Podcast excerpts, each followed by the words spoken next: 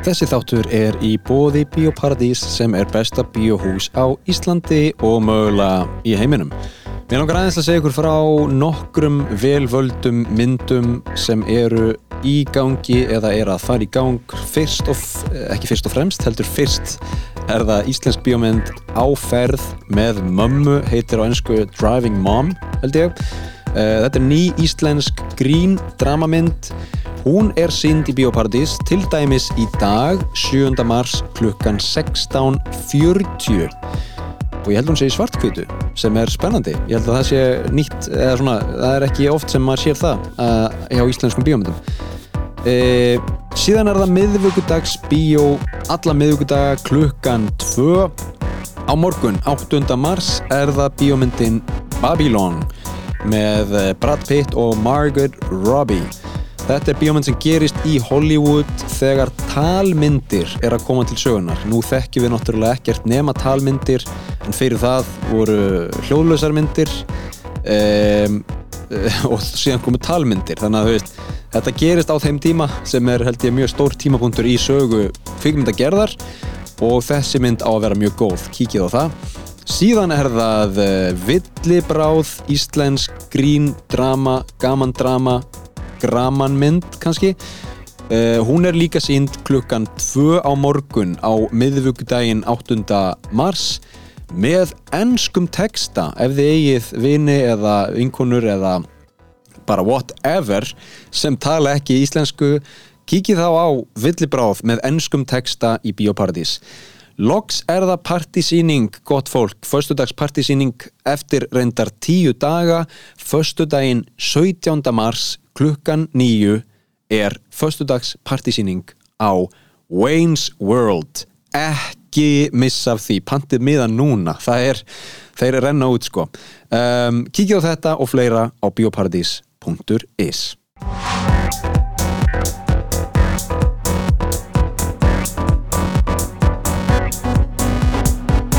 Gott fólk, við erum velkomin í þátt númer 75. Það er hlaðvarpið heimsendir sem heilsar og hingað er komin góð gestur Snæfríður Ingvars dóttir. Vertu velkomin. Takk fyrir. Hvað segir þú gott? Ég segi mjög gott. Er það ekki? Jú. Við hittumst síðast í Tókíó Já. uh, og við erum komin núna til Íslands. Yes. Viltu hérna, viltu, ef við bara förum bara beint í það, viltu segja mér aðeins hvað sko hvað e, dróði til Tókjó? Sko, ég hef alltaf einhvern veginn vita að mér langi að fara til Japan og það hefur alltaf verið svona smá draumur um, og svo einhvern veginn var það bara þannig að uh, högni kærasti minn, hann er að gera tónlist við hérna íslenska mynd sem heitir Snerting sem að var verið að taka upp þannig að hluta til í Japan Mm -hmm. og þá svona notuð við eiginlega það sem svona ástæði afsökun svona til að fara. Já, já, já. og hérna og að því að hann vildi gera líka svona skorið í, í myndinni svolítið svona innblásið af svona Japan og fá smá japanskan tón inn í tónlistina og þannig að hann fór að vinna með japansku tónlistafólki aðna og já við bara ákveðum að fara og þá bara hérna já, fór þetta að stað. Og þeir voru alveg svolítið lengi eða svona Já, við vorum mánuð, mánuð. Akkurat mánuð og er það nóg eða er það, vilduðu vera lengur? Það er alveg geggjað að vera í mánuð. Það, eða, þú veist, þá fæ maður alveg alveg nóg tíma til þess að svona bara skoðar svo margt og getur ferðast um til mismunandi borga og svona. Mm en þú veist, ég meina nóg, það er aldrei nóg. Ég meina, vinna, þú veist, það er ótrúlega margt sem ég langaði líka að gera sem maður náði ekki að gera, skilur Já, já, já. þannig að, já, en það er allavega já, maður myndi mæla með að vera í svona einmitt smá tíma svona, hérna, til að geta svona fengið þetta alveg. Þrjár, fjóra vikur. Tvær vikur Já. er eiginlega of lítið sko. Já, þrjár vikur er eiginlega svona þá nærði að slaka eitthvað neina Já, já, já. Tali Þið voruð í Tókjó, þið voruð í Kyoto mm Þið voruð í Hiroshima. Já, Eitthvað meira?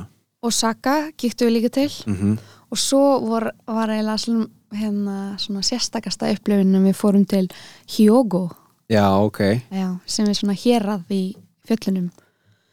Það var eiginlega svona magnasta upplifunin út af því að þá þú veist, þá gistu við bara inn á svona japanskir fjölskyldu mhm, sem eldaði fyrir okkur og og þú veist, við bara við gistum á gólfinu og borðum á gólfinu og gerðum allt svona alveg traditional svona japanst, einhvern veginn það var svona bara japanst einhvern já, já, já, já það var eiginlega svona það var eiginlega svona einhvern veginn svona mjög dýrmætt, eða þú veist, það var svona svona einhvern nánd í því, þú veist, Mhm. það var ekki bara einhvern veginn þessi stórborgar upplifun sem er líka geggið en það var svona eitthvað, eitthvað sérstætt Gekkja Já. Sko, þú nefnir að Högni hafi verið að hérna, reyna að fá skiluru andrumsloftið að svona skapa svolítið í því umhverfi sem á kannski að spegla smá Mhm, mhm. hvernig leið þér veist, í Japan, hvernig leið þér í Tókjó, hvað, hvaða svona vibe, hvaða orku fannstu í Tókjó og svo kannski samanborið við, þú veist, Hyogo eða, eða, eða hérna, Hiroshima. Já, vá, sko mér finnst bara mér finnst Tókjó al, alveg mögnuð sko. Bara það, það er svo margt sko. Um, það er náttúrulega allir alltaf svo ótrúlega kurteisir og, og fólkið er svo yndislegt en kannski munurinn svona fannst manni kannski fólk í Tókjó gefur manni mjög mikið svona, svona personal space mm -hmm. og þú veist það horfir enginn á mann. Nei, það var alveg svona smá skrítið. Ég er bara svona, mann lýr alveg smá eins og maður sé bara ósýnilegur. Og maður held kannski að maður myndir svona standa eitthvað út og maður er eitthvað svona ljósarur eða eitthvað. Mhm. en það var bara alls ekki þannig einhvern veginn, það bara svona horfir enginn á mann einhvern veginn nema maður tali sérstaklega við það. Og það er kannski, og allir eru ótrúlega svona fullkomnir einhvern veginn. Allir eru svona mjög margir tókjör gett svona stylist og fashionable og, og bara já, einhvern veginn allir svo geggjaðir eitthvað. En svo í, í þú veist eins og þegar við erum í hjóku þú veist, það er bara, það er bara sveita fólk skilur við, Mhm. það er ótrúlega mikil anstæða þú veist, þannig að það er svona örglega ef maður fyrir bara kannski til Tókjó þá, þú veist, að mér var svolítið gaman að sjá þú veist, bara þess að ólíku heima, þú veist, þá var fólk miklu meira, veist, þá voru við bara fólki sem við byggum við, þá voru bara, þú veist, bóndar og, þú veist, hérna svona nautgripa, hérna fólk, þú veist, sem var bara allt öðruvísi, svona miklu meira já ég veit það ekki, svona meira bara róleira eða eitthvað, já, ég, ég veit ekki líka Nei, en, ég er sko að fá eða þú veist, ég er búin að vera of lengi í Tókjó án þess að e, fá samanburði eða fá svona öðruvísi upplifun sko, ég þarf að Mhm. vera dugleiri að fara út fyrir Tókjó mhm, og upplifa sveitirnar og allt það sko. Mhm, mhm. Og sérstaklega þarna í suð-vestur Japan í kringum Hjóko og, og. Kyoto og Osaka því að maður svona manni finnst þess að fólki þar sé uh, ég lefi bara svolítið öðruvísi lífi skiljuru einmitt, og kannski, ég veist, opnara er kannski eitthvað orð en ég veit það samt ekki en það er svona svolítið öðruvísi vibe, það er svolítið öðruvísi andrúsloft sko. já, allt öðruvísi einhvern veginn. Já. já, einhvern veginn. Já, ég hérna um, en þú varst líka þú varst líka að sækja einhver námskeið og eitthvað svona. Já, þú hjálpaði mér nú aldrei því.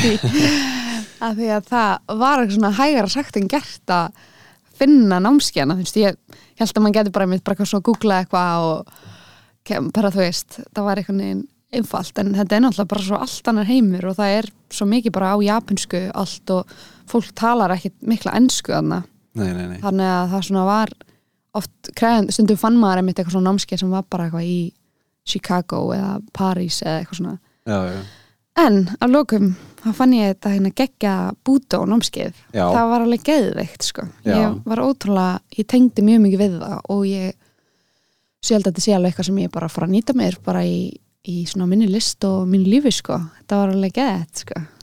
og þetta er sko þetta er japanskur dans Já, þetta er hérna bútó, þetta er hérna, japanst um, dansleikúsform mm -hmm. sem að varð til svona eftir setni heimstyrjölduna um, ég byrjaði í Japan og og þetta er svona þetta er svolítið svona þetta er ekki svona þú veist dans út frá einhverju svona útlistlegum pælingum eða einhver svona formi þú veist eins og kannski ballett eða kannski svona fle- flestur vestræð dans sem við svona þekkjum Mm -hmm. þetta er miklu meira svona svona maður reynir að þú veist losa burtu allar hugmyndinar uh, um sig, skilur maður losa burt, þú veist kynimanns uh, þjóðurnimanns um, þú veist, kynneið eða þú veist bara maður er bara neginn, ekki neitt þú veist, maður Mhm. hugsa sér svona eins og bara tómur póki eða svona bara tómur líka mig Mhm. og svo, þú veist tekur maður einhver svona element inn og líka manns þetta er kannski erfitt að útskýra þegar maður er ekki að prófa þetta en, en þá svona byrja maður að reyfa líka mann þú veist svona út frá einhverjum svona elementum sem að maður tekur inn, þú veist, Mhm. eins og vatnið að það er eitthvað að þú veist að gerast og þá þá reyfi maður líka mann eitthvað svona ótrúlega svona náttúrlega og þá kemur einhvern veginn, þetta er allt svona einhvern veginn innanfrá og svolítið svona eins og í leiklistinni einhvern veginn, það er svona þú veist, það kemur allt einhvern veginn bara út frá einhver svona skinnjun innanfrá Mhm. þannig að allt verð, maður verður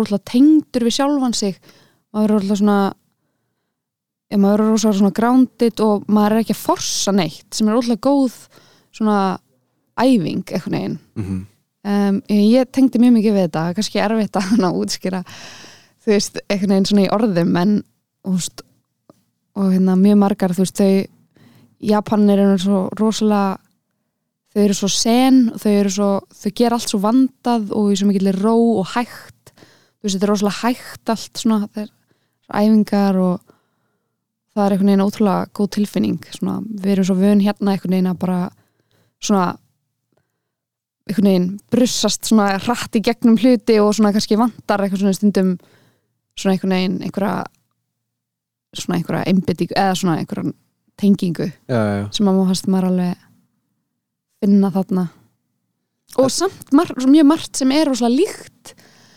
Þú veist, mér varst, ég líka að finna það þó margt, margt sé svona ólíkt við nálgun svona í, í Japan, þú veist, í, í listum og, og svo leiðist, þá er það samt líka svo líkt, þú veist, ég fann svo margt sem þau voru að tala um varandi einhvern veginn svona líkams vitund og svona sem ég var bara svona, já, þetta er svo mikið það sama, þú veist, við erum líka svo öll svo lík og þú veist, Mhm. þú veist, margt sem maður tengdi líka við eitthvað sem maður hefur lært annar stað frá hann er svona það er mjög áhugavert Auðvitað, já, já, það er mjög áhugavert sko, að hérna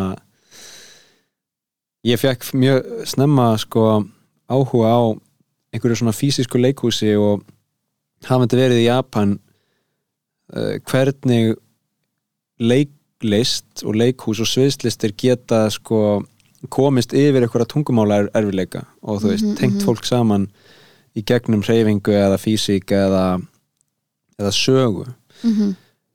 um, það er á, ég, sko nú ég held ég að við eitthvað prófað eitthvað bútó en ekki mikið, Mhm. en þetta hljómar eiginlega eins og þetta sé svona tvíþægt, það er annars vegar performatíft element sem er þá uh, sýningin eða, Mhm. eða það að sjá þetta spektikul þessa, þennan hérna þennan, þennan dans eða, eða þetta, þessar sviðslistir sko koma Mhm. saman sem bútó er en líka bara eitthvað eins og veist þetta sé bara svona yfkun fyrir, fyrir líkama og sál þar að segja að þú Mhm. getur bara þú getur bara farið í bútó tíma í lokuð rými, enginn að horfa á og það sé Mhm. einhvern veginn kannski jafn gott ef ekki betra.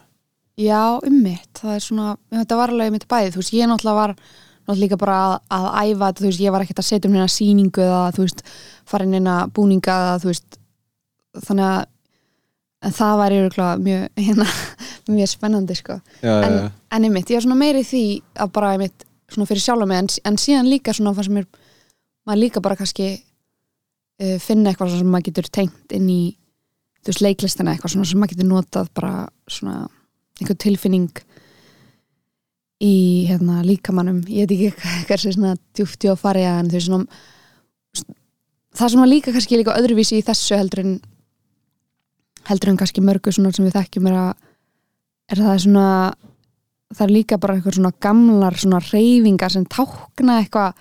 Þú veist við gerðum eitthvað svona eina æfingu sem tákna, það er eitthvað svona maðurinn í, í steininum eitthvað svona sem er bara eitthvað tákmynd sem að maður, þú veist, kannast ekkit við hér skilur við eitthvað svona að gera einhverja, einhverja reyfingu sem að þýðir eitthvað, þú veist, það er svona meira bara við gerum kannski einhverja svona reyfingu og það kannski er ekki, tákna á bakvið endilega en það var þeist við gerum einhverja svona æfingar sem vorum að lifta steini eitthvað svona brjótast í gegnum steinin eitthvað og það þú veist, átt að tákna að maður, þú veist, væri að komast í gegnum einhverja, einhverja erfileika og, og svo, þú veist, þú gerum eitthvað svona lapp, svona eitthvað svona göngu sem er, þú veist, hérna þú veist, the carrying walk sem að við erum að ganga með sálin okkar hérna, með okkur, skilur við erum ekki að skilja hana eftir, þannig að þetta er svona rosalega meðvitaður gangur. Við göngum ótrúlega hægt og við erum að taka allt rýmið fyrir aftan okkur með okkur, mm. þannig að veist það gefur okkur svo ótrúlega mm, hérna, mikinn styrk og stærð þú veist, og þú veist það er ekki ekki til þess að sé í leiklistinni skilur við eitthvað neginn þú veist, við erum ekki bara eitthvað orð, orðin sem við segjum, þú veist, við erum eitthvað neginn þessi líkaminn og, og allt í rýminu eitthvað neginn, Mhm. orkan okkar já, svona það var mjög hjálpaði mjög mikið við svona allar þessar pælingar Ég þarf að komast í búta og það er alveg, alveg sko, klárt mál já, það um, var það mjög, mjög áhverð Finnst þið gaman að hérna, læra svona kóreografaðan dans? Hefur eitthvað reynslu af því? um, Þú veist svona bara klassísk dansform eða eitthvað hannig Hefur já, ég náttúrulega var var svo mikið dansari einu sinni sko. ég var Já, alveg ok. okay. ballett í veist, 15 ári eða eitthvað og, og nútíma dansi og svona þannig ég var alveg vön, vön, því mér er gott að, að svona að halda mig við því og svona grípa í, já, já, já. Og, og það er ekki eitthvað svona mjög fast form sem vefst fyrir þegar þú átt að fara í eitthvað meira flæði eða meira spuna eða meira þannig? Nei ég, ég held ekki. Nei, ok. Ekki. Þú kannski bara með, þú veist, góðan grunn sem þú getur síðan leiftir að nýta í alls konar. mm Ég spyr að því að, að hérna, ég hef aldrei lært dans, sko, en mér líður oft mjög vel í svona fysisku flæði, þú veist, Mhm. hvort sem það er eitthvað, eitthvað svona movement tími, hreyfitími með, hérna, öðru fólki eða bara ég, vil ég einn á dínu eitthvað í, í flæði með tónlist, sko.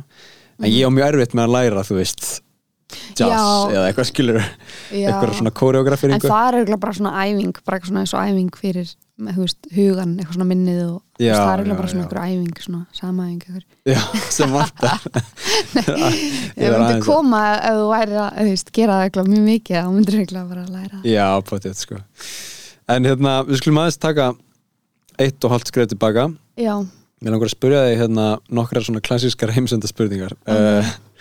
Sko um, við skulum sirka þetta út en hvar varstu fyrir tíu árum? hvar var ég fyrir tíu árum? Já, þetta er svona uh, sko, hvað, það er 2023, 2013 hva, hérna hvað varst að gera árið 2013? Svona eh, sirka, sko Þá var ég örgulega bara að byrja í, í leiklistar náminu í listáskólum. Ok, Þá var ég örgulega bara í veist, pröfunum með fyrsta árið bara byrjaði held í 2013 já, já, já, og svo útskriðist 2016 einmitt, já. Gekjað. Ok, um, ertu reykvingur? Eða, þú veist, er það eitthvað? E, já, eða þú veist, ég er hérna, hef bara búið hér og, og já, ég er algjör bara svona miðbæjar borgar barn eða þú veist, já þú veist, fjölskylda mín er kannski ættuð einhver staðar en ég, þú veist, það er ekkert sem ég, ég hef aldrei búið neins staðar annars staðar Nei, nei, nei, nei, ég tengi. Nei, þetta er, þú veist, mér finnst svona skilgreiningar áhugaverðar. Þær eru, sko, geta þvælst fyrir en, en eru líka einhvern veginn uh, dúkka mjög oft upp og við hugsaum mjög mikið um þetta held ég og tölum mjög mikið um einhverja svona skilgreiningar, skilur þau. einmitt, hvaðan kemur maður og eitthvað svona og svo svo finn ég það ef ég fer til Japan að það einhvern veginn margt að því skiptir einhver máli eða virðist ekki skipta neinu máli já, svona skilgreiningar sem við höfum um okkur já, þú veist, ég er bara úr Garðabænum skilur Já. en, en, en ég elska að vera á vestfjörðum og Mhm. svona einhver hluti fjölskyldunum minnar er þaðan sko mm en ég er ekkit vestfjörðingur eða þú veist, Nei. jú ég er vestfjörðingur en ég er samt ekki vestfjörðingur, skilur allt þetta já, já, já. og hérna svo mæti maður til Tókjó og, og þau segja Doko Karakimasta og ég segi Aisurando og þau segja ah, Airurando og kannski mis, miskilja það sem Írland skilur Ah. og þá bara næra það ekki lengra já, já, já, já. Þú veist, þannig að þetta er svona maður getur alveg hérna glemt sér í ykkur svona skilgreiningapælingum en svo kannski skiptir einhver máli Nákvæmlega. og í Japan þú veist ef að ég fer í pröfu fyrir eitthvað, eitthvað hlutverk já, þá er það ekki Íslendingur, skilur nei, það er, skilur það er annarkvort bara eitthvað svona samheiti yfir uh, bara hvítan einstakling já. eða þú veist Amerikani eða jável breyti Einmitt.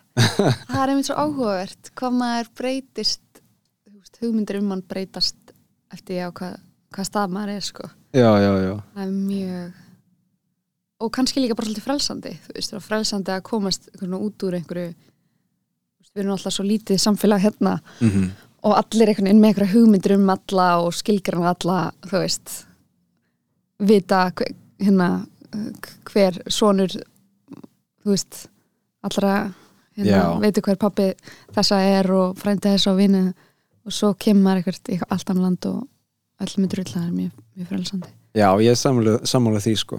Og, og það er svona, ég hef maður hefur séð það úti að þú veist um, það eru það náttúrulega er mjög stort samfélag af veist, útlendingum í Japan mm -hmm. og það er mjög svona þjætt samfélag það er samfélag sem stendur mjög þjætt saman mm. og náttúrulega er skemmtilegt og, og kannski hérna uh, físilegt að það sé einhver blöndun skilur og ég er heppin með það að geta Mm tengst bæði inn á svona japanska samfélagið en líka útlendingasamfélagið -hmm. En maður finnur líka alveg fólk í útlendingasamfélagið þetta skrýta álega þetta svona en fólk sem er kannski búsett í Tókíó og hefur ekkert mikla tengingu við Japani, þú veist, Mhm. talar kannski ekki tungumálið. Mm um, en verður þá þeimun svona þjættara í, í því samfélagi.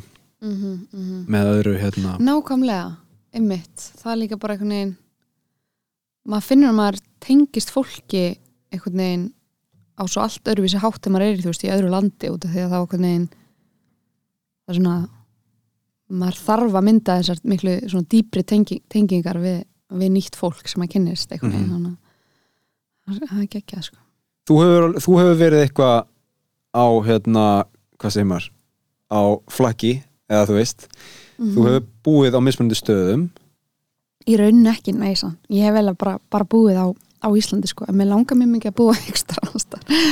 Ok, akkurat núna. Hvar, ef þú ættir að fara bara núna hvað hérna, er þið fyrir valinu?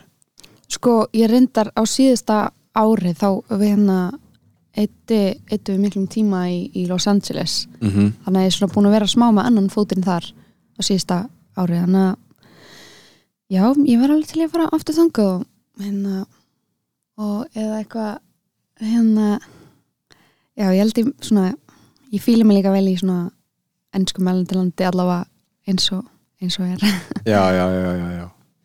Já, ég skil það. Það er hérna Tókjó er, þú veist það er ekki skemmit það, ef þú talar ekki japansku þá, þá er maður svolítið svona fljótur, já, fljótur að fara í, í það sko samfélag sem mætir manni og það er þá oftast ennskumælindi samfélagið sko. Nákvæmlega.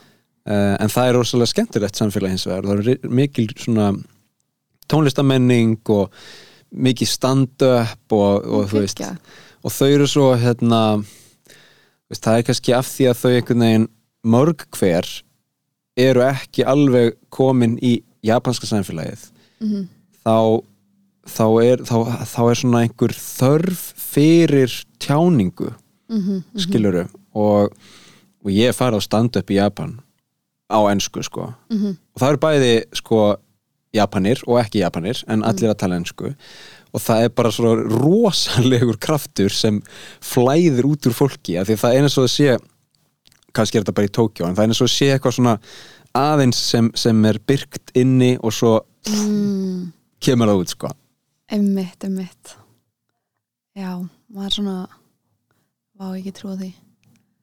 En hvað hérna, ef við förum áfram, um, um, áfram í tíma fimm, fyrir fimm árum Fimm árum. Það er 2018 Já. Hvað var ég þá að gera? Úf, ég það ekki.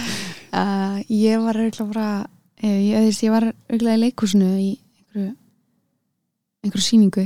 Okay, Ég man ekki. Einhverju stemmingu yeah. en þú hérna þú sagði mér áðan að þú ert aðeins farin að skoða þú veist hvaða þú veist, list þú getur skapað og hvað þig langar að skapa Já. er það eitthvað sem við getum talað um? Nei, ég, ég held bara allt sé gott að vera með þetta um einhvern veginn hvað maður já, svona hvað maður vill þú veist, segja hverju sinni eða þú veist, gott að vera bara svona ekki fara í eitthvað bara svona eitthvað hjól bara sem heldur bara áfram að, að þess að stoppa. Mm um, já, og ertu með eitthvað verkfæri til að þú veist, hjálpa þér í þeirri leit um, ef ég bara byrja að kannski hérna tengja sjálfur sko um, veist, ég, ég hef bara verið sjálfstætt starfandi listamæður frá því ég kláraði skólan og þetta er svona hjá mér er þetta bara stöðu leit skiluru og, og mjög skemmtileg leit en, en það er náttúrulega þetta er svona algjörlega andstæðan við það að, festast í ykkur hjóli eða, eða að verða svona comfortable ef maður lefið sér að sletta uh, maður er alltaf með einhverjar 17 hugmyndir skilur já. sem eru allar á lifturlevelinu samt eða Já, svona já. flestar sko Já. að vera í svona elevator pitch sko og hérna um, en, en blessunlega hefur maður samt tíma til að, til að sko þróa áfram og elta einhverjar þeirra einmitt, einmitt sem er algjör fóréttindi um, að því að þegar ég var í veist skólanum þá hafði maður einfallega ekki tíma eða orku í að leggjast í að þróa þetta. Nei, nákvæmlega, þannig að það er svona þetta er svona kostur og galla af allt sko, já, það er einmitt. Þetta er, þú veist, það er krefjandi en, en kannski líka bara svolítið holdt og gefa manni svona einhvern veginn, já, tíma til að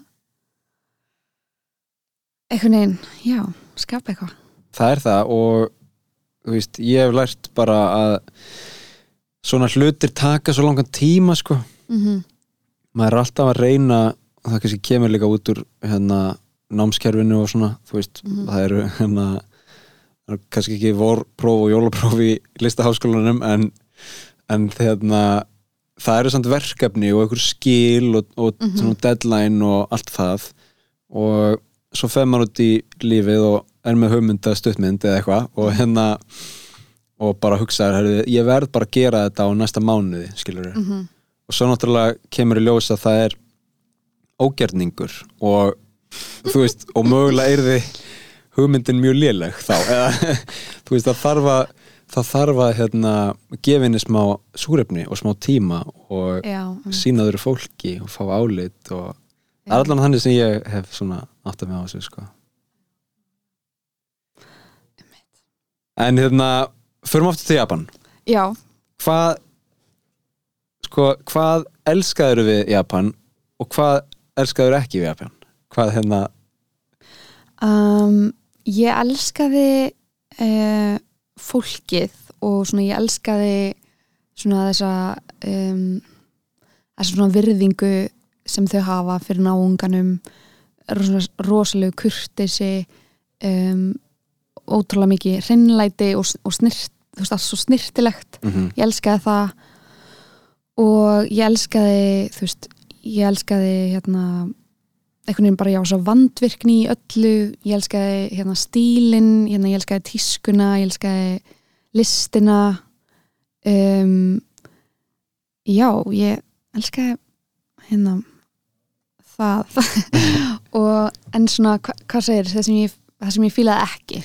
Já, Það, ég fílaði, sko, ég fílaði ekki allan matinn, ég, sko, ég er sko alveg svona freka matund og ég er svona alveg svona, svona hálfpartin grammitsæta stundum og það getur alveg verið svona krefindi í Japan, það er alltaf bara eitthvað pork, pork, pork Já. en þú veist, auðvitað er líka fullt að geggjum, geggjum mat og þú veist, þau eru ótrúlega góð að búa til líka mat frá öðrum hérna þú veist, hérna öðrum heimsornum mm þannig að þau eru, þú veist, að því þau eru líka svo miklu perfectionistar, þú veist, þau gera allt svo vel og vil alltaf vera best í öllu, þú veist, þannig að þau gera geggjaðan ítalska mat, skilur þau gera, gera geggjaða pítsur, geggjaða deig -hmm. pasta og þú veist indverskan, kýmverskan, tælenskan þú veist, þannig að maður þarf ekkert alltaf þú veist, það var svona tím, það var svona svona tímafunktur í ferðinni sem ég á bara, hey, ok, snæfrir, ekki vera að reyna að vera alltaf eitthvað svona ég held að svona, ef ég myndi alltaf vera að borða japanska mat, þá væri ég svona meira að upplifa Japan Já, en já, síðan já. var svo tímapunktur sem ég bara svona droppaði því ég bara, ok, ég er alveg að fara að upplifa Japan jafnvel þó ég sé ekki alltaf að borða japanska mat og því ég fekk alveg svona smá stundum bara svona, svona já, maður gæti ekki að hérna vera að borða allt alltaf, ég svona fekk smá en ég held að sé líka gott bráð mitt borða inn á milli eitthvað annað þannig að maður hafi svona smá tolerans lengur. Algjörlega, og það er náttúrulega er bara orðin hluti af menningunni líka. Mm þú veist, ég man ég spurði eitthvað mann hérna strák sem ég var í svona skiptinámi með frá Berlín. -hmm. hver er þjóðarétturinn í Berlín? mm og hann sagði um, ég held að það sé bara kebab. Þú veist, mitt Og þetta það er er bara- náttúrulega, svona er þetta líka í dag. Já og, og í Tókjó skilur tsuka, það er kýmensku matur já, það er bara mjög stór hluti af, af matarplani Nákvæmlega. fólks skilur við erum náttúrulega orðin svo svona já, svona blönd, blönduð eitthvað neginn í þessu. Já, en mér fannst ég samt finna svo mikið þú veist ég veit ekki, kannski sér maður bara ekki svona, þú veist, hefðirnar í sínu eigin landi eða þú veist svona þessar þjóðverðnis hluti í sínu eigin landi, maður kannski bara tekur ekki eins mikið eftir mm en ég held samt líka að Japan sé alveg svolítið sérstakt með það, mér finnst það halda mjög mikið í líka svona mér mér finnst maður alveg finna það líka í matagerðinni, þú veist bara allt sem þú, þú veist, það sem er í bóði líka að kaupa bara í svona super svona convenience stores hérna, Mhm.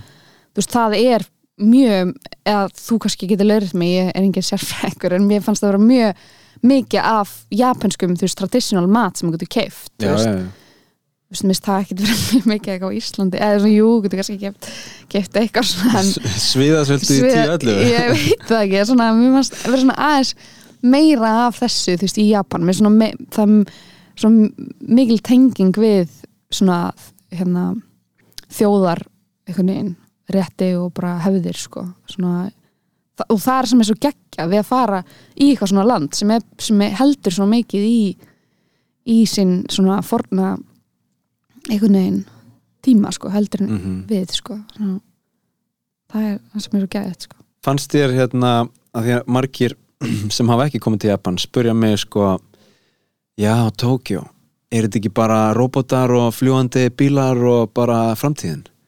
Einmitt, það er eitthvað svona hugmynd þetta er mjög allmis áhugavert þú veist, að þetta er eitthvað svona hugmynd sem að maður hafaði eitthvað svona um Tókjó það var eitthvað um rosa futuristic og, og sem að er alveg einhvern hátt þú veist, það er alveg þessi þú veist, þannig þessi geggjuðu þú veist, hérna ljós, neonljós og þú veist, þessi skjáir, skilur svona Times Square, þú veist, alveg bara þú veist, þannig að í miðju Shibuya, skilur þú veist, Mhm. það er náttúrulega mjög svona teknilegt og og svo er þetta hverfi hann manga anime hverfið sem er veist allt eitthvað svona tölv, tölvu teknibúðir eitthvað huge.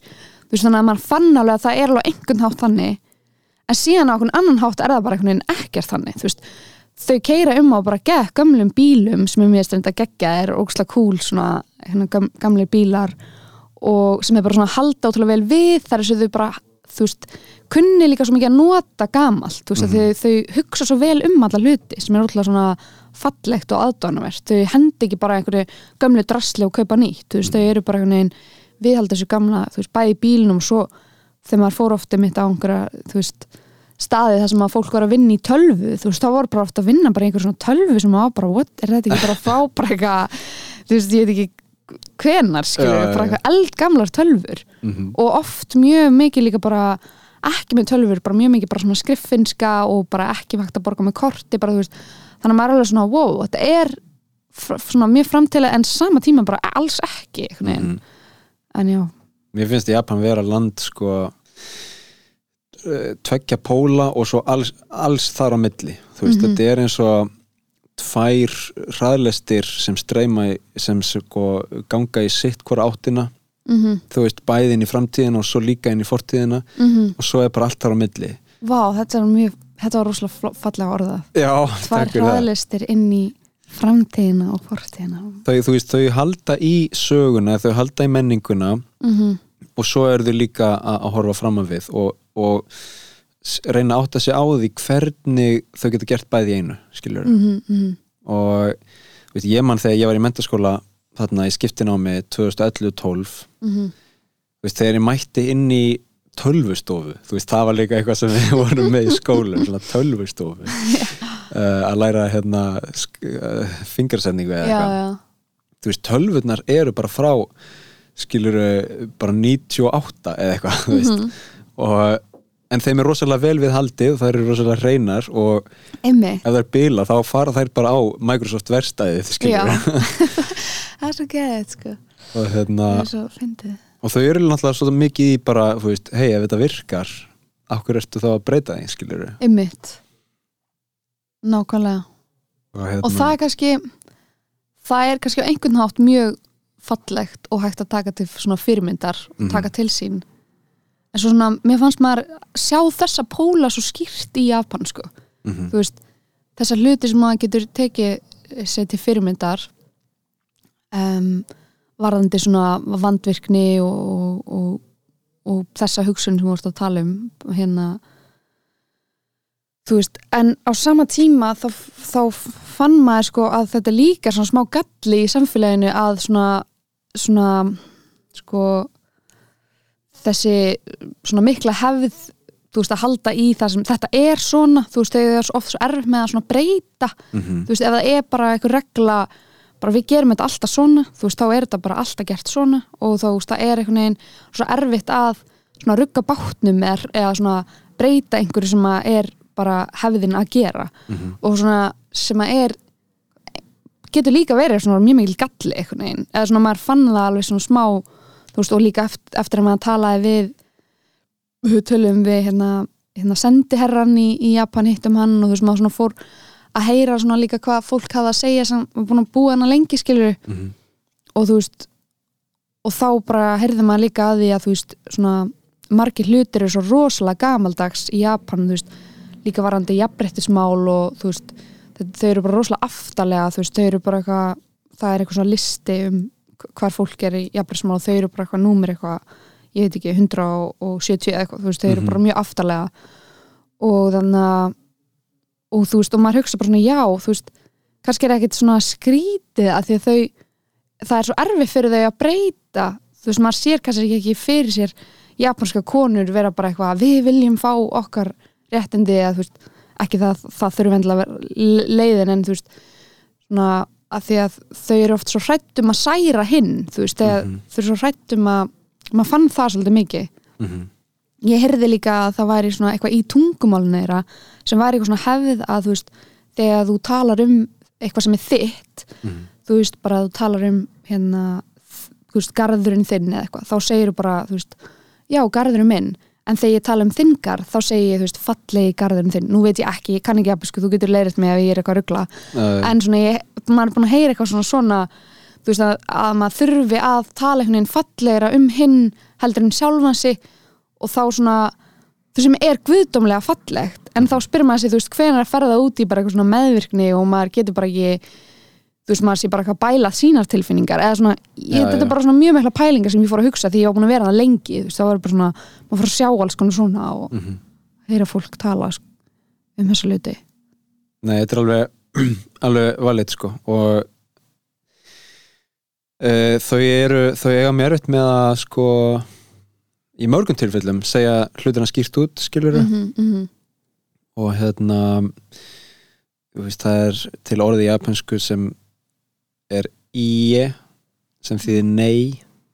Í, ok. Og ég hef aldrei sagt það. Nei, og þú er aldrei heyrt það, er bara ekki Nei. nota það er ekki notað sko. það er, þú veist, það er hægt að setja hérna, ekki inn í sagnir, veist, að gera ekki uh, borða ekki, eitthvað svona. Og það er freka nota þá. Það, já, það er bara alltaf notað sko. þannig, Ah. þannig að þú veist það er aldrei stakt nei. Einmitt. Sem er svolítið áhugavert. Og þau veist, uh, já, það er alveg rétt sem hún segir, þau vilja ekki sko uh, standa út sko eða, eða verið þannig stöðu að fólk er að, er að horfa á það og hérna, okkur þú að gera þetta? Og eitthvað svona og þú veist, og standa bara fast á sínu og ég, ég er bara á móti þessu. Maður það bara ekki maður sagði ekki fyrir sér. Og núna er sko kemur til Íslands og það er verkfall og verkbann og, og, Ég og ég veit ekki veit hvað og hvað og þú veist, jújú, jú, Japanir hafa alveg mótmælt og geta alveg mótmælt og á einhvern tímapunkti er einhver mælir alveg fullur og allt það sko. Já, já, en það er samt ekki eins algengt eins og til dæmis á Íslandi eða, eða annars staðar í, í svona hinnum vestrana heimi kannski og, og víðar að ég man ekki eftir því að hafa séð þú veist, ef maður sér eitthvað út á götum að mótmæla mm þá er það skrýtningurinn eða skrýtnakonan eða þú veist, whatever.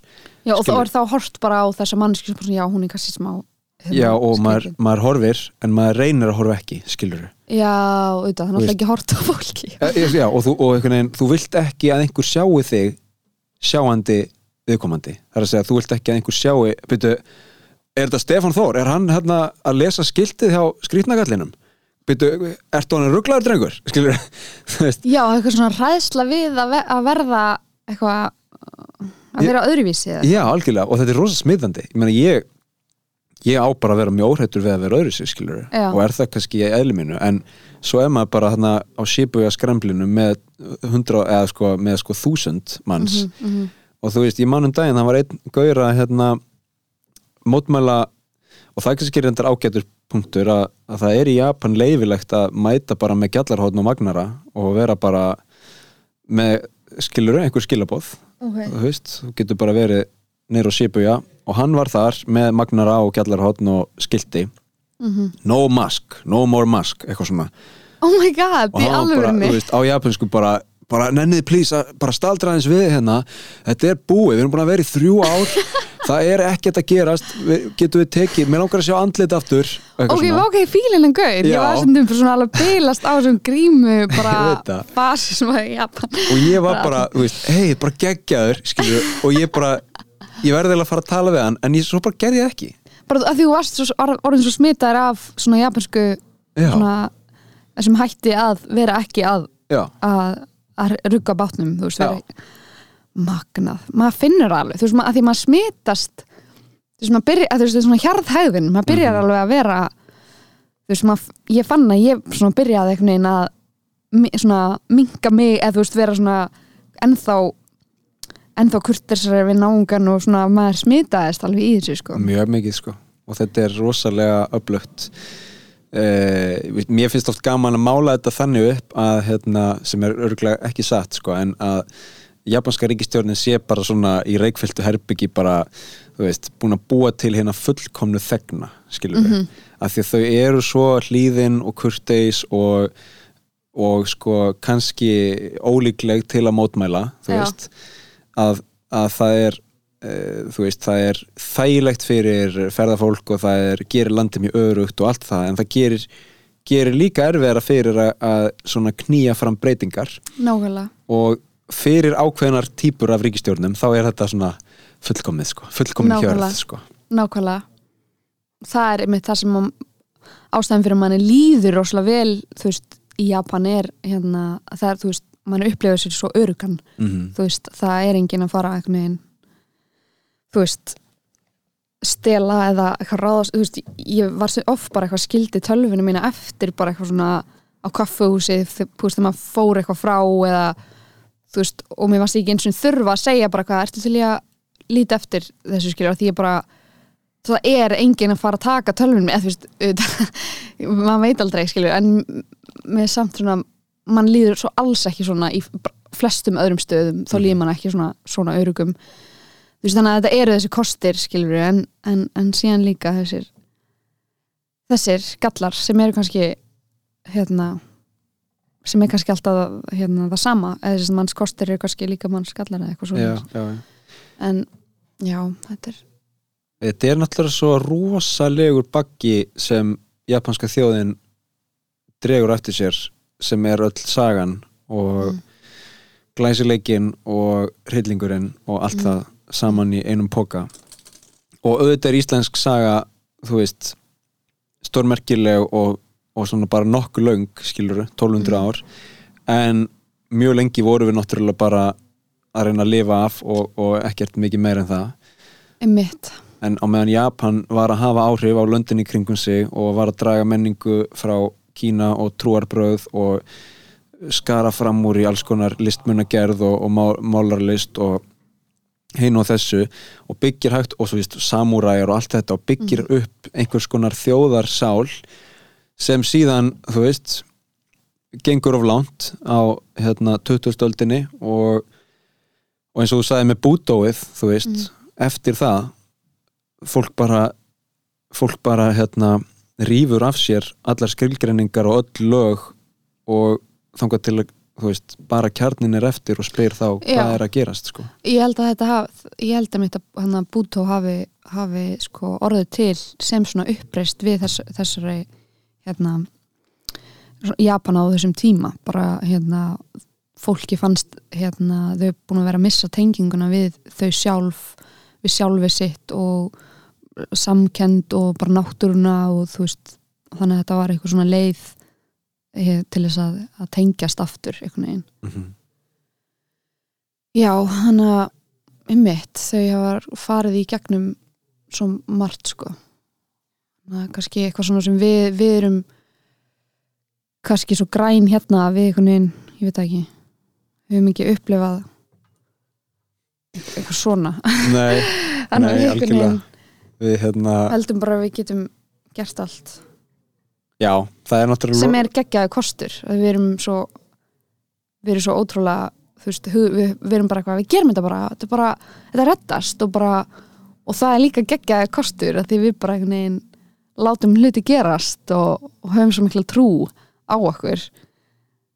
Um, en samt kannski höfum við ekki alltaf þess að kannski hugmyndum um hvað virkar til langs tíma eða þú veist, við erum svolítið bara svona gerum hluti bara einhvern veginn í mómentinu og svo veitum við ekki hvernig, hvernig það fer sko. en við getum gert allt af því að við trúum því að við getum gert allt Já, við, það er bara máli, við höfum svo mikla trú sko, og líka við erum ekki með hann bakka sko, við erum ekki með svona byrði að, að, hérna, og langa sögu sem allt stangast á við mm -hmm. þannig að við getum verið opinn fyrir nýjungum og farið í breytingar, rótækar breytingar á alls konar kerfum og, og Það er rosalega mikil kostur um mitt. Já, það er það sko. Og ég, þú veist, ég hlakka rosa, að því ég elska Japan svo mikið og ég hef svo mikla trú á landinu til framtíðar. Mhm. og þú veist, ég var að lesa í gær að ef að hérna það var uh, kona sem er, var held ég ráðherra á sín einhverjum tímapunkti og er núna aðstofamæður fórsættistir ráðherra í Japan. Mm -hmm. held ég lögreglega og hún var að segja ef að það er hægt að virkja konur í atvinnulífinu Mhm. í Japan Mm þá myndi sko verg landsframleysla hækka um 15% þú veist mm. og það er ekki bara það, það er náttúrulega líka það að, að hérna, þú veist, atvinnuleysi myndi minka og, og vonandi er þið sko meira þá jafnrétti í kringum það að konur eru ekki að velja milli þess annarkvort að eignast fjölskyldu eða hins vegar að að elda skilur svona starfstengda drauma sína. Veist, sem er staðan oft núna og, og hérna og ríkistjórnin skilur berst í bökkum við að halda hérna, hagkerfinu í einhvers konar vexti Mhm. og er að reyna að finna alls konar leiði til að gera hitt og þetta. Og svo stígur þessi kona fram og segir bara hei, bara I got it, þú veist það þarf bara að virkja hérna konunnar sem eru sem, sem geta unnið en er ekki að vinna og þá fer hérna hagkerfið upp um 15% skilur mitt, það þarf að gerast sko. En svo kemur skilur uh, ríkistjörnin sem eru þú veist 500 eða þú veist kannski 400 gaurar og Um mitt 70 konur eða eitthvað. Og, og, og sem eru bara eitthvað þú veist, áttræðir eða eitthvað þeir eru bara eitthvað ótrúlega gamlir. Og segja bara já, já, það má alveg prófa þetta en ég veit ekki hvort það gangi upp þú veist, eða eitthvað. Og hérna og svo bara tekur það Svakalegt. 50 ár skilur um mitt Þetta er svakalegt. Mjög áhugavert að, að kynnast svona einhvern veginn og maður horfir svona svolítið öðruvísi á maður er svo nýtt sjónarhorn líka bara á sitt land, skilur við mm Fóstu í leikhús? Nei, ég nefnilega fó, þú veist, mér ætlaði að fara og sjá eitthvað svona allir minnst traditional hérna kabuki og en ég náði því ekki einhvern veginn, það bara Mhm. einhvern veginn ekki slæðist þannig, ég verð bara að koma aftur. Já, algjörlega. það er margt sem maður náði ekki að gera líka. Ég ætla að vera dögulegur að fara í leikhús í leikhúskverfið, góða Já, Shimo Kitazawa um, en ég er búin að, þú veist, ég var mjög dögulegur að fara í leikhús núna á meðan ég er búin að vera á Íslandi og Já. fór alveg á fimm sýningar eða eitthvað. Mm og það er rosalega gaman að sjá hvað það er upplugt listalíf hér á landi. -hmm. og ég held sko að það með ég bara alveg segja það skýrt að, þó að það megi alltaf gera betur þá sé það miklu leiti því að þakka að það er styrkjakerfi og, og fólk er svona meðvitað um og almenningur er meðvitaður um listir. Mm -hmm, mm skilur þú veist flestir fara í leikhús til dæmis kannski einu svona ári -hmm. það er ekki þannig í Japan. Nei, ok. Í Japan er bara þú veist, hérna ég spyr einhvern út á götu hefur þú farið í leikhús í ár? Og fólk segir bara nei hérna, nei nei, áhuga máli mitt er uh, sána ha, ég var ekki að spyrja um áhuga máli sko, ég var bara að spyrja hvort það er farið í leikhús. Já, nei, nei, nei, það er ekki áhuga máli mitt. Ha, ég er bara ekki að spyrja skilur, þannig að þá er þetta bara bara hérna, nei, áhuga máli mitt er teiknumyndasögur og kaffi. Eða áhuga máli mitt er hérna sána og kaltbað eða áhugamáli mitt er leikhús og hérna reggi tónlist. Já, og þú veist, svo myndast bara geðveikt þéttur hópur bara, bara 500 manns í Tókjó sem elska þú veist, belgíst reggi eða eitthvað veist. og, og hérna og er kannski ekkert mikið veist, að sækja út fyrir það ég, meina, ég persónulega, ég á sko átján áhugamál. Já, já, já, já. Ymmit, áhugavert. Veist, það er er, þetta er náttúrulega svo ógeðslega margir í þessu þjóðfélagi þannig að það er kannski auðveldara að bara fá rými til að vera bara með áhuga á veist, það getur orðið svo stórt, eitthvað eitt áhugamál og bara stórt samfélagi kringu það. En svona já, við allir við sem ekki bara svona alveg upp við að að svona já, hvað ætlaði að sé, bara við séum bara einhvern veginn svona opnari að tengdara við, við fleiri luti ég, ég veit ekki, þetta er mjög áhugavert. Það er náttúrulega það er mjög mikið af ungu fólki og krökkum sem veist, sem fá tækifæri til að yfka íþróttir og listir samtímis mm -hmm, veist, og prófa jáfnvel ímislegt mm -hmm. ég að það sé mjög algengt fyrir íslensk börn að prófa 1, 2, 3 hljóðfæri prófa já, 1, 2, 3 íþróttir. Já, ég var ekki að sjá það út í Japan sko um, en ég held að þetta sé svona, og, og síðan náttúrulega með leikhúsi þú veist að, Mm. að það er einhver menning fyrir því að kannski fara með ömmu og afa skilur í Mhm. leikhúsi eða eitthvað svona á Íslandi á Íslandi já, sko já, já. en þetta er bara ekki hluti af því í Japan sko Hvernig, hver- hvernig er þín tilfinning með það hérna, eins og með krakka að æfa þú veist, hérna æfa einhverja tómstundir þekki yfir einhverja þekkingu. Ég hef óða lit, litla þekkingu því. Það náttúrulega er mest í kringum skóla.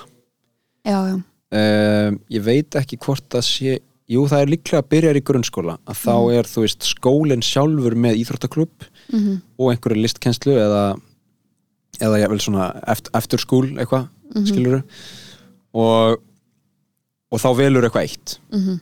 Ég, og svo er það líka í, í hérna, gagfræðiskóla og svo líka í mentaskóla Mm og í mentaskóla þá þegar ég var hann úti þá mátti ég velja um track and field sem eru frjálsar og hérna og sund og þú veist, ég held judo og eitthvað svona, og svo valdi ég leiklist mm. þannig ég fór í leik, leikklubbin leikfélagið þannig í skólanum -hmm. ég sá hann þetta mjög merkilegt við vorum að gera bara leikrit um mentaskólanema í Japan árið 2011-12 skilur, það var bara algjörlega bara hvað hérna já, svona, svolítið þröngt sko. En það er mjög oft sem maður heyrir frá japansku fólki hérna eitthvað, veist, já ég var í hérna körubálta, já hvað varst í körubálta að ég var í gagfræðiskóla og mentaskóla.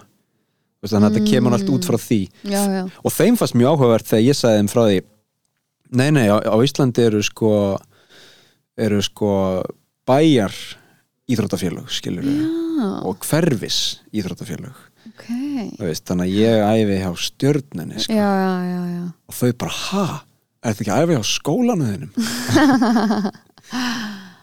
ah, já, wow þannig að jú, jú, auðvitað fáðu tækifæri til þess en það er svona, já, veit það er kannski það ekki eins einmitt.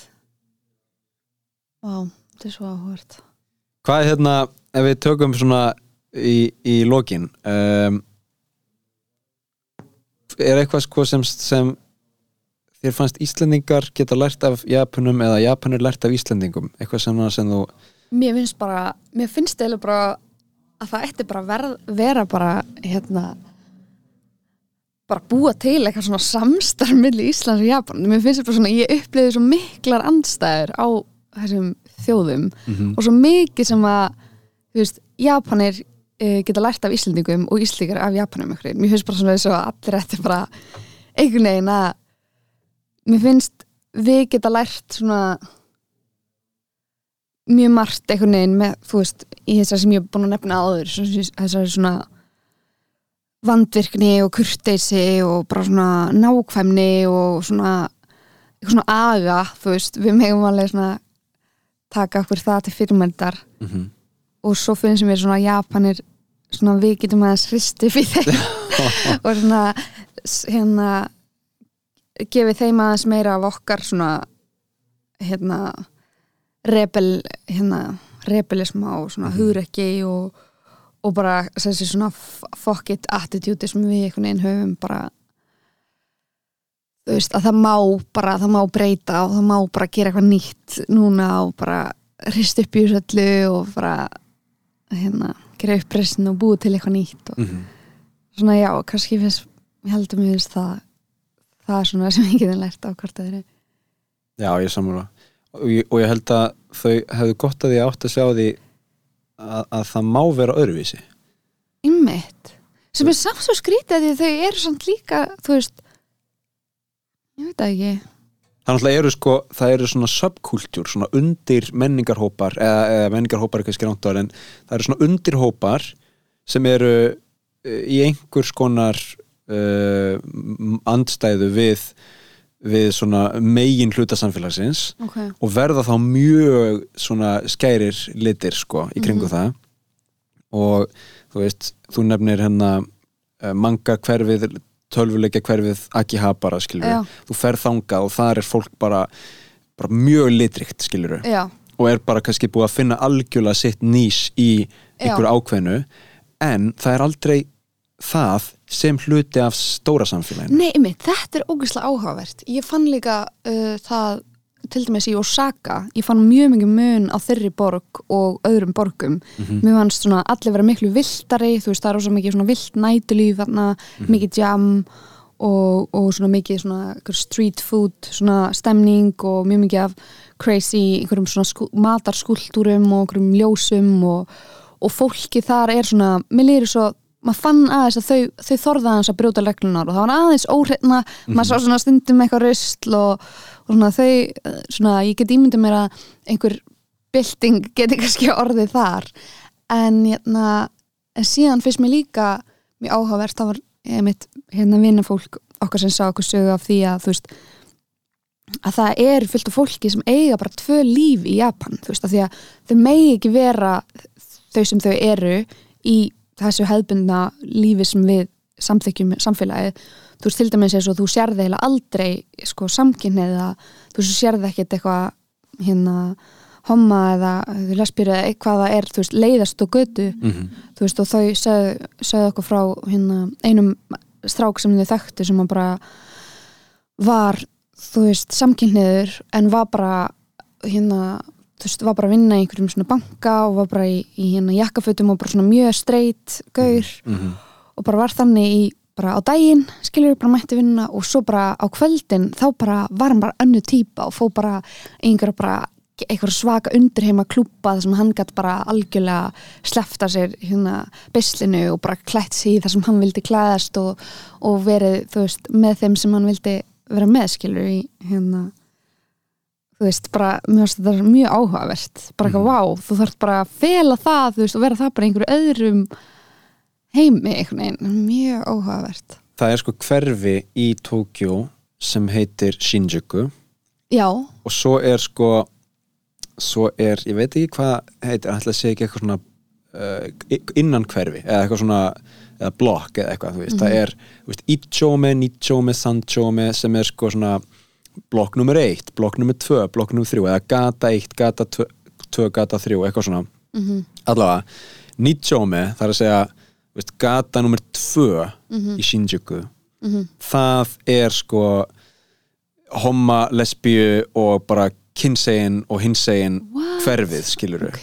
Og þar er bara, og það er heilt hverfi og þar er allir klúbanir bara, skiluru og það er sko viltasta tjamið í Tókjó sko, Oh að fara þanga um, og það er, þú veist, það er eins og þú segir þetta er, það er svona afmarkað, það er út af fyrir sig. Mm. svo er Shinjuku nefnilega líka bara skíakljúfar og business skilur Já, einmitt, það var svona hugmyndir sem ég hafði meira, eða þú veist, Algjörlega. að veri frekar og svo lapparu í tíu myndur og þá ertu bara komin í pff, veist, Mhm. bara rugglað næturlíf skiluru og, en þau eru svolítið út af fyrir sig þú veist, Já, Þa, þetta líka það sem ég dyrka við Japan er að þú veist, það er bara það er allt til og það er bara allt einhvern veginn allstað, eða þú veist, það bara þú lappar aldrei inn að götu sem er bara eitthvað ekkert í gangi á. Já, það er alltaf eitthvað að gerast allstaðar og það er sem er svo ógeisla sérmyrandi finnst mér við, við Japan. Og þú veist, það er bara litlir, þú veist, það er svo sé bara það er pláss fyrir einhvern veginn alls konar, þú veist, það eru litli staðir sem er bara þú veist, það er pínu litli staðir. Þú veist, flesti veitingastæðir og barir og búðir þú veist, eru bara eitthvað svona fyrir bara eitthvað fimm sem komast þannig inn eða mjög mikið af svona litlum stöðum mm Mér finnst það eitthvað svo, það er eitthvað svo geggjað af því að þetta er svo, svona þjætt bílt þannig að það er eitthvað neginn líf allstaðar og allir eru allt er byggt svo þjætt og, og með það er svo mikil stemning Mhm. en á saman tíma er örugglega mótar það örugglega svolítið fólkið að þú veist að því þau eru svo þjætt að þú veist þá kannski taka þau sér kannski minna pláss þá eða þú veist Mhm. get ímyndið mér að þú veist það hafa svolítið áhrif á hvernig við erum sem hérna, persónleikar, þú veist, hvernig við búum. Eins og hérna er, erum við með svo mikið pláss að við getum einhvern veginn drift úr okkur og karakterinn okkar, við verðum bara svona getum lift okkur að bara springa út og svona, meðan þau eru kannski vöna bara þau búa í fimm fermetrum eða hvað og eru bara svona, eru þá ekkit mikið kannski að taka sér pláss heldur í, í persónleikanum, svona, hvernig það já. einmyndir sér. Já, algjörlega. Og ég ætlaði bara hérna koma þið inn að 90% af grínistum í Japan Mhm. eru frá Osaka. Nei, okkur meikar svo ekki sens Já, þannig að þetta er svona veist, það þarf smá svona villi, villi mennsku skilur, það þarf smá svona það þarf að vera smá skítugt og ske- skemmtilegt sko. Ég meina líka til þess að þú veist, segja brandara, þú þarft að þóra að, þú veist, mm, hérna móðgengun, eða skilur þú, þú veist, finnustu brandaranir eru kannski svona smá on the edge skilur, Já, já, já. Að, þannig að vá, hvað ég get ímyndið um það það er algjört partí að fara til Osaka sko. Já, Já, þetta er veist, ég er ég er alveg gegn sýrður í Tókjó og Tókjó er líka bara hérna svona land eða, eða þjóðfélag eða samfélag út af fyrir sig að því að þú getur líka fundið alveg vilda stemmingu í Tókjó og alls konar hópa sko. Já, ég get alveg klálega ímyndað með það, einhvern veginn, mér líður svona eins og sé bara endalist af hverfum og einhvern veginn allt til, en það er svona kannski meira ábyrrandi bara þetta Já, já, já, í, í Osaka einhvern veginn. Í blá lókin er einhver venja eða vani eða ég vel áhugamál sem þú vilt byggja svona á, á þessu ári eða, eða svona upp, upp frá þessu? Út frá að hafa komið til Japan? Ekkert endilega, en það má vera. Ok um, Venja eða vani? Já, um, eða yðkun eða eitthvað svona. Sí, Ég ég mun örgulega að taka eh, þessa bútó upplifin mína alveg örgulega eitthvað inn í inn í, inn í mitt líf sko. Um, og Vá, ég veit það ekki. Um, Já, ég er ekki alveg þess ég veit ekki hvað myndi gerast þegar ég myndi spyrja sko hérna almenna Japana af því að þú veist, mín upplifin af þessu er að að sko veist, ég, ég nefndi það á hann en, en mér finnst þetta alveg bara klikkað og ógæslega skemmtilegt líka. Ég spurði sagt fósturbróðir minn uh, ég, sagt, þegar ég var í skiptinum að það var ég já, já bróðir minn er sko alltaf sé ekki átjónara núna. Mm eða 19 ára, hann er ný útskrifaður í mentaskóla og ég spurði hann, þú veist, hvaða hvað vana, hvað, þú veist, hvað bara hvað langaði að gera núna? -hmm. svona fyrir þig svolítið. Mm og hann sagði bara, ég er komið nýtt áhagamál það er sána Nei. Þú veist, og, og hérna mér finnst það indislegt sko en mér finnst bara svo skemmtilegt að þessi orðað svona, áhugamálið er sána. Því að sko, Ég, Mér það myndi eiginlega ekki fá flokkast sem áhugamál eða, eða, veist, ég, ég veit það ekki. Ég meina, fullt af fólki fyrir sund á Íslandi ég vil daglega, já. En það myndi kannski ekki segja já, ég meina, áhugamál mitt er sund. Nei, Skilur. menn ég skal frekar segja hvað, að það sé svona um, ég veit ekki, lífstílinn eða það sem það gerir Mhm. svona venj, venjar, venjur kannski frekar Ég held að það kom út frá því að þú veist, hér á Íslandi þá, þá, þú veist, þá bara lappar í sund skilur, eða kannski keirir eða hjólar eða eitthvað, en þú veist, það er ekkert svona það er ekkert eitthvað þeng, það er ekkert eitthvað Nei, allir komast í sund, allir geta farið. Það er ekkert eitthvað bara fyrir einhvern ákveðin hóp eða þú veist. Ég fór með fóstubróðum minn með sánu og við keirðum í sko klukkutíma til að fara í sánu. Okay. í Sapporo, en þú veist þetta var alveg guðdómlega sána og við Já. vorum þar í tvo klukktíma og vorum alveg bara bak okkur sko. Já. og það var líka bað og það var líka kalt skilur og kaldur pottur. Já, og allir í einhverju svona þú veist, sána er okkar áhugamál stemmingu skilur mjög svona svona diligently, mjög svona ákveðin og ákveðnir þannig að kynja skipt sko, ákveðnir í því að sána sig alveg í döðlur sko.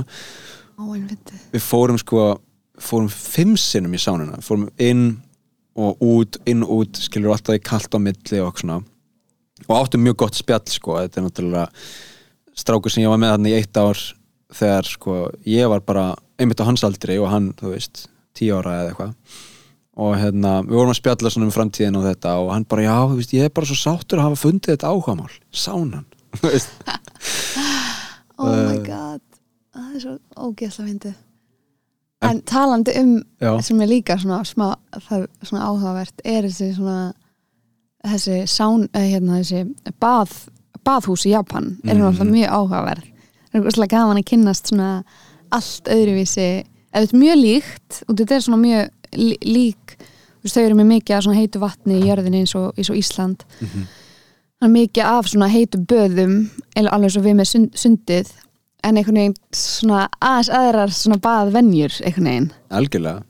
Hérna það er svona, já mér fyndið einhvern veginn að þau svona sitja alltaf í styrstunni eitthvað svona fyrir okkur er svo vennilegt að maður stendur í styrstu en þau sitja alltaf. Já, og svona sitja á svona kollum já, og er svona með speil fyrir sig. Já, já, já. mjög en svona um mig, alltaf kynjaskipt já, já. þú veist, en en allir naktir, eða þú veist, enginn í, enginn í sumfötum. Algjörlega og svo er maður með lítið hangklæði og Já, hvað er máli með handklæðu? það er alltaf svona gett svona þá er svona gett óljóst hvað maður á að gera við handklæðu það er alltaf segir þér engin neitt það sko. segir þér engin eitt Það er og þú bara farið ykkur tvö handklæði og svo einhvern veginn en maður bara svona horfa á fólk þú veist maður svona ok, nú, nú loksis skil einhvern veginn, þú veist, túristar á Íslandi þú veist, hvernig þeim líður einhvern veginn með handklæðin sín hlaupandi, þú veist. Af því að þarna var einhvern veginn það er eitthvað svona eitt, þú fær eitt stort handklæði, eitt eitthvað svona skrúppa sig með Já, því já, já. og svona setja það svona, er, eitthvað svona dinglaði, setja það svona á hausinn og er eitthvað svona með það á hausnum eitthvað svona, maður er bara, vá, hvað þetta stegt ég er sko, það tók mér langa tíma en ég er alveg, ég er honum heimamaður í þessu sko, ég er honum alveg ad, ad, advanced sento sko onsen stemming. Hérna ég, það er svona sento baðhús í fimm mínúna gangufjarlæð frá húsinu uh, Ok. íbúðin í Tókjó næs ég fer þangað það eru hjón sem eiga það. Mm og ég fer úr skónum við ingangin og set skóna inn í hérna, ég reyna alltaf að velja töluna 42 eða 73 af því það er svona lukkutölunar mínar. Okay. set skóna þar inn og þá fæ maður svona, svona tréleikil uh, sem hægt er að veist, nota til, til að opna skópbóksið. Svo fer ég afgriðsluna og segi konbanwa eða konnichiwa eftir hvort það er dagur eða kvöld borga minn 500 kall eða 500 yen og fer inn og hérna ég skil eftir stóra hangklæðið í skápnum tek litla hangklæðið tek sandklukkuna mína eða, eða hérna tímaglæsið eða hvað heitir og tek vatn og fer inn í Sendó finn mér koll og hérna og svo svo fyndið því að ég, ég er einu útlendingur annað sko. En ég komin í bara svona lappa bara svona pollrólegur skilur bara ah, skilur hlamma mig niður á kolli minn svo læt ég renna í hérna, maður tekur svona litla fötu. Og hvað er málið með fötunar? Já, já, það er alltaf eitthvað svona hella eitthvað svona? Já, ég tek fyrst tvær fötur og heitu vatni, skvetti yfir sikkur á öxlina. Bara, ah, skilur og svo tek ég kannski sturtu hausinn og aðeins í hérna hárið eða eitthvað svona og, og síðan set ég sko smá vatni í hérna litla hangklæðið já, tek sápu, ég tek sápu með það, það er aldrei sápa þú voru að taka hana með sko. Þú voru að taka með því sápu? Já, að ég tek hana með í litlu nestusboksi jú, í nýrri Ah, báðu sem er sápa en og ég fór bara í svona, ég fór ekki í svona sendó ég fór Já, bara í onsen, hver er munurinn á því? onsen er sko náttúrulegt heitt vatn já, með þú veist steinefnum og svona ah, en sento er sko gashitað eða, eða, veist, eða rafhitað mm. þannig að meira kannski inn í borgunum já, algjörlega, algjörlega sko. Já. þar sem er ekki, ekki svona heitt svæði sko. og þetta er bara náttúrulega í Tókjó þannig að ég fer í sento og, Mhm. og hérna og svo setur maður sko sápuna og bleitir hana og setur hana í hangklæðið bara, þú veist, og fram og tilbaka og bara jóðlar vel af sápu í hangklæðið og nuttar svona hangklæðinu saman að það byrjar að freyða og svo tekur maður þetta bara eins og ykkur teiknumynd bara, þú veist, allt bakið skrúpa bara, skilur skrúpa bara sköplunginn og allt rastlið og hérna alveg orðin og milli tánna maður og allt sko, undir iljónum og svona. Vá, Orðin alveg- alveg pro Já, alveg sko og svo kannski tekur maður vassföðuna og fyllir hana aftur og skólar og skólar síðan með sturtunni og eitthvað svona. Svo þarf að skóla hangklæði vel, litla taka alla sáp úr því vinda það og svo brjóta það saman í svona ferhyrning og ekki ferhyrning og ná kollin sko. Af því það má ekki fara onni í sánuna nei, onni í baðið segi ég. já, það er ókurtegið sig að vera með litla hangklæði sem hún notar til að þrýfa líkamann já. onni, þú veist. Þetta er nefnilega svo margt svona við Japan sem bara svona, eitthvað svona sem bara er mjög, lærir hvað er ókurteist og lærir ótrúlega mikið með svona um eitthvað svona. Það er mjög áhugaður og það eina leiðin til að læra þetta er að einmitt, fylgjast með og prófa. Já, af því það mun engin það er enginn að fara að segja það er nefnilega málið. Veist, það er segja er enginn, það er alls konar eitthvað sem þykir ókurteist og svona reglur. Já, já, en það er enginn samt að fara að segja er, heyrðu, ertu til í að skilur Nei, það þarf að vera eitthvað mjög mikið. Ég hef aldrei verið beðin um að setja grímu. Nei, ekki, já, einmitt. Ég var, það er bara allir með grímur og ef maður var stundum ekki með grímur þá var enginn eitthvað ertu til að vera með grímur, þú veist. Já, nákvæmlega. Þannig að allir bara En þetta er sko, ég er alveg, eins og ég segi ég er alveg bara klára að senda á hennu og ég fer í gufuna og set tím, svona tímaklassi mitt alveg og mæli 15 mínútur eða eitthvað. En það talar enginn saman sko. Nei, ég held að það sé líka það, það er stendur stundum eitthvað svona ekki tala veist, Já. að það er líka ókurteist eða þú veist að því fólk er að reyna að slaka á og svona. Mm Einmitt, já, já, já, og þú veist, fólk er kannski búið að vera að vinna langa vinnudag jakkafötin er í skápnum, skiluru og það er bara þreytt og eitthvað svona. Mér finnst það mjög mikið svona alls konar sem hægt er að taka til fyrirmyndar þú veist, það má ekki tala í lestunum skilur, mm Já, já, já, já, þú veist, svona það er alls konar maður skilur þetta svo vel að sé þú veist svona alls konar svona reglur. Já, það er bara já, já. ógislega mikið fólki alls þar fólk vinnur ógislega mikið. Mhm. það þurfa að vera bara svona space þar sem fólk bara fær svona slökun Já, já, já. og þá skilur maður alveg mynda það að bara banna að tala fólk fyrir eftir, já, ég hef reynda verið beðin um að vera ekki í símanu, ég, ég vissi af þeirri reglu, en ég var í símanum í lestinni einu sinni, að tala, já, að tala, ekki tátt sko en bara svona, einmitt, það má ekki, einmitt. Já, bara viltu gjöra svo vel, eitthvað svona. En sko, svo nefnilega þegar ég var að koma til Íslands núna, þá millirendi í Frankfurt og fór inn í borg já, tók lest og það fyrsta sem mætti mér voru bara tvær bara ungar konur skiluru bara bara skiluru að koma úr flugi eða whatever, eða vinkonur eða eitthvað. Já, samt að tala ótrúlega hátt saman en bara skemmta sér skiluru, Já, já, segja já. að finna sögu eða eitthvað og hlæja. Í, hvar? í Frankfurt lestinni í sko. lestinni, já. Og ég bara, ó, guðmund góð, hvað hérna Byrju, er ég bara, er, er ég að lenda í ykkur glæpagengi? Eða þú veist, ég var ég var svo vanur sko ég, þú veist, ég var svo ég var svo vanur sko örygginu og svona að allir eru einhvern veginn í svona formfestu og regluverki í Japan. Bara það að koma til Frankfurt sem er nú ekki eins og eitthvað svona einhver glæpagrifja skilur Nei. Þá er ég bara farin bara, þú veist, bara einhvern veginn að bara svona lokastóldi og bara, þannig að, ja, komið bara á hótel bara sem fyrst, þú veist. Oh my god, algjört rugl sko. Einmitt, það er svona er vond að, að sko sé eitthvað svona sem getur hérna stygt Japanan sko, eitthvað sem getur rugg, Mhm. rugglað á í já, ég get ímyndað mér, þú veist, þegar japanskir hópar er að fara núna til Evrópu þú veist, öll með grímuna á sér ég vorkinni þess að smá mikið eða þú veist, vor, eða þú veist bara þetta er samt líka smá fangelsi að vera svona ótrúlega kurt eða svona ótrúlega einhver veginn mikið í einhverju regluverki Já, veist, ég, já. fór, ég fór einn svona í, í, í lest í Japan, þessi svona bullet train þessi stóru, stóru lestar og Mhm. þetta var einhvern veginn, við vorum ekki búin að panta sæti og það var bara mikið af fólki og, og hérna ég sá eitthvað svona eitt laust sæti við hliðina á einhverjum gaur og hann var með reyndar rosalega mikið að dóti á, í sætinu og ég var eitthvað, hei, má ég sittjast eitthvað. Og hann svona tekur sérst, allt dótið sem var á sætinu við á sér og setur allt ón á sig. Og ég svona, úst, það var alveg fála mikið dót og ég var alveg svona eitthvað, no, eitthvað, you can put it eitthvað up here, skilur á Já, svona hilluna. Og hann bara svona hristi hausinn og bara svona bældi sig bara svona niður í bara svona kuðung bara svona með allt drasli ón á sér og ég var bara eitthvað, ok, hann líður mjög illa og hann var bara með, grímina sína og var eitthvað með bakpókan aftan á sér Já. og svo dótið, þetta var bara ógæslega óþægileg stelling, svo var hann bara að spritta sig bara svona ótrúlega eitthvað bældur og ég sagði mér þess að aftur við hann í þú veist, ferðinni bara, bara are you okay, do you wanna put the, your stuff up, up there? eitthvað. Og hann bara svona hristi hausinn bara svona, no, no, no, bara svona já, þú veist, ég hugsa bara þú veist, þetta er bara svona of bæld manneski, þú veist, það er bara svona eins og bara sé bara ekki að leifa sér bara að vera til eða þú veist, bara leifa sér að að líða vel, þú veist, bara eða þú veist, þannig væri bara svona ok, vá, ég bara aldrei sé að bældan mann. Já. en þú veist, ég auðvitað að, þú veist, það er ekkert allir þannig, skilur það, Þetta er alveg rétt sko, þetta er alveg rétt og þú veist þau, það er, þau, þau, þau hefðu gott að því að, að þau hefðu gott að því að ferðast og sjá að þú veist, allur heimurinn er ekki svona.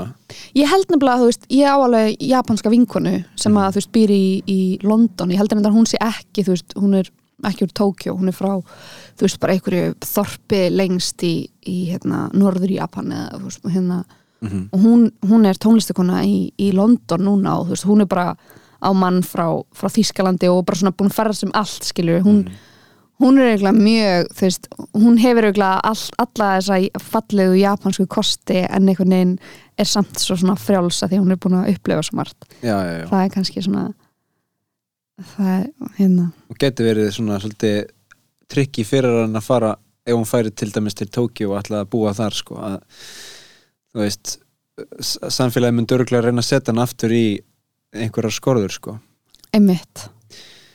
þetta er rosa áhugavert þetta er sko, Japan er svo djúpur brunnur af öllu Mm allir í flórunni að það er eiginlega hægt að veist, ég bara ég get ekki mynda mér hversu mörg ár ég þyrft að vera til að ná að snerta á yfirborðinu á veist ekki öllu en bara það er bara ekki hægt. Það er bara ekki hægt sko. Það er ekki hægt. Ég held að sem búin að fara nokkuð vel yfir Já, er það ekki bara. þetta Herðu, Snæfriður, takk kærlega fyrir komuna Takk fyrir að bjóða mér, svo gaman.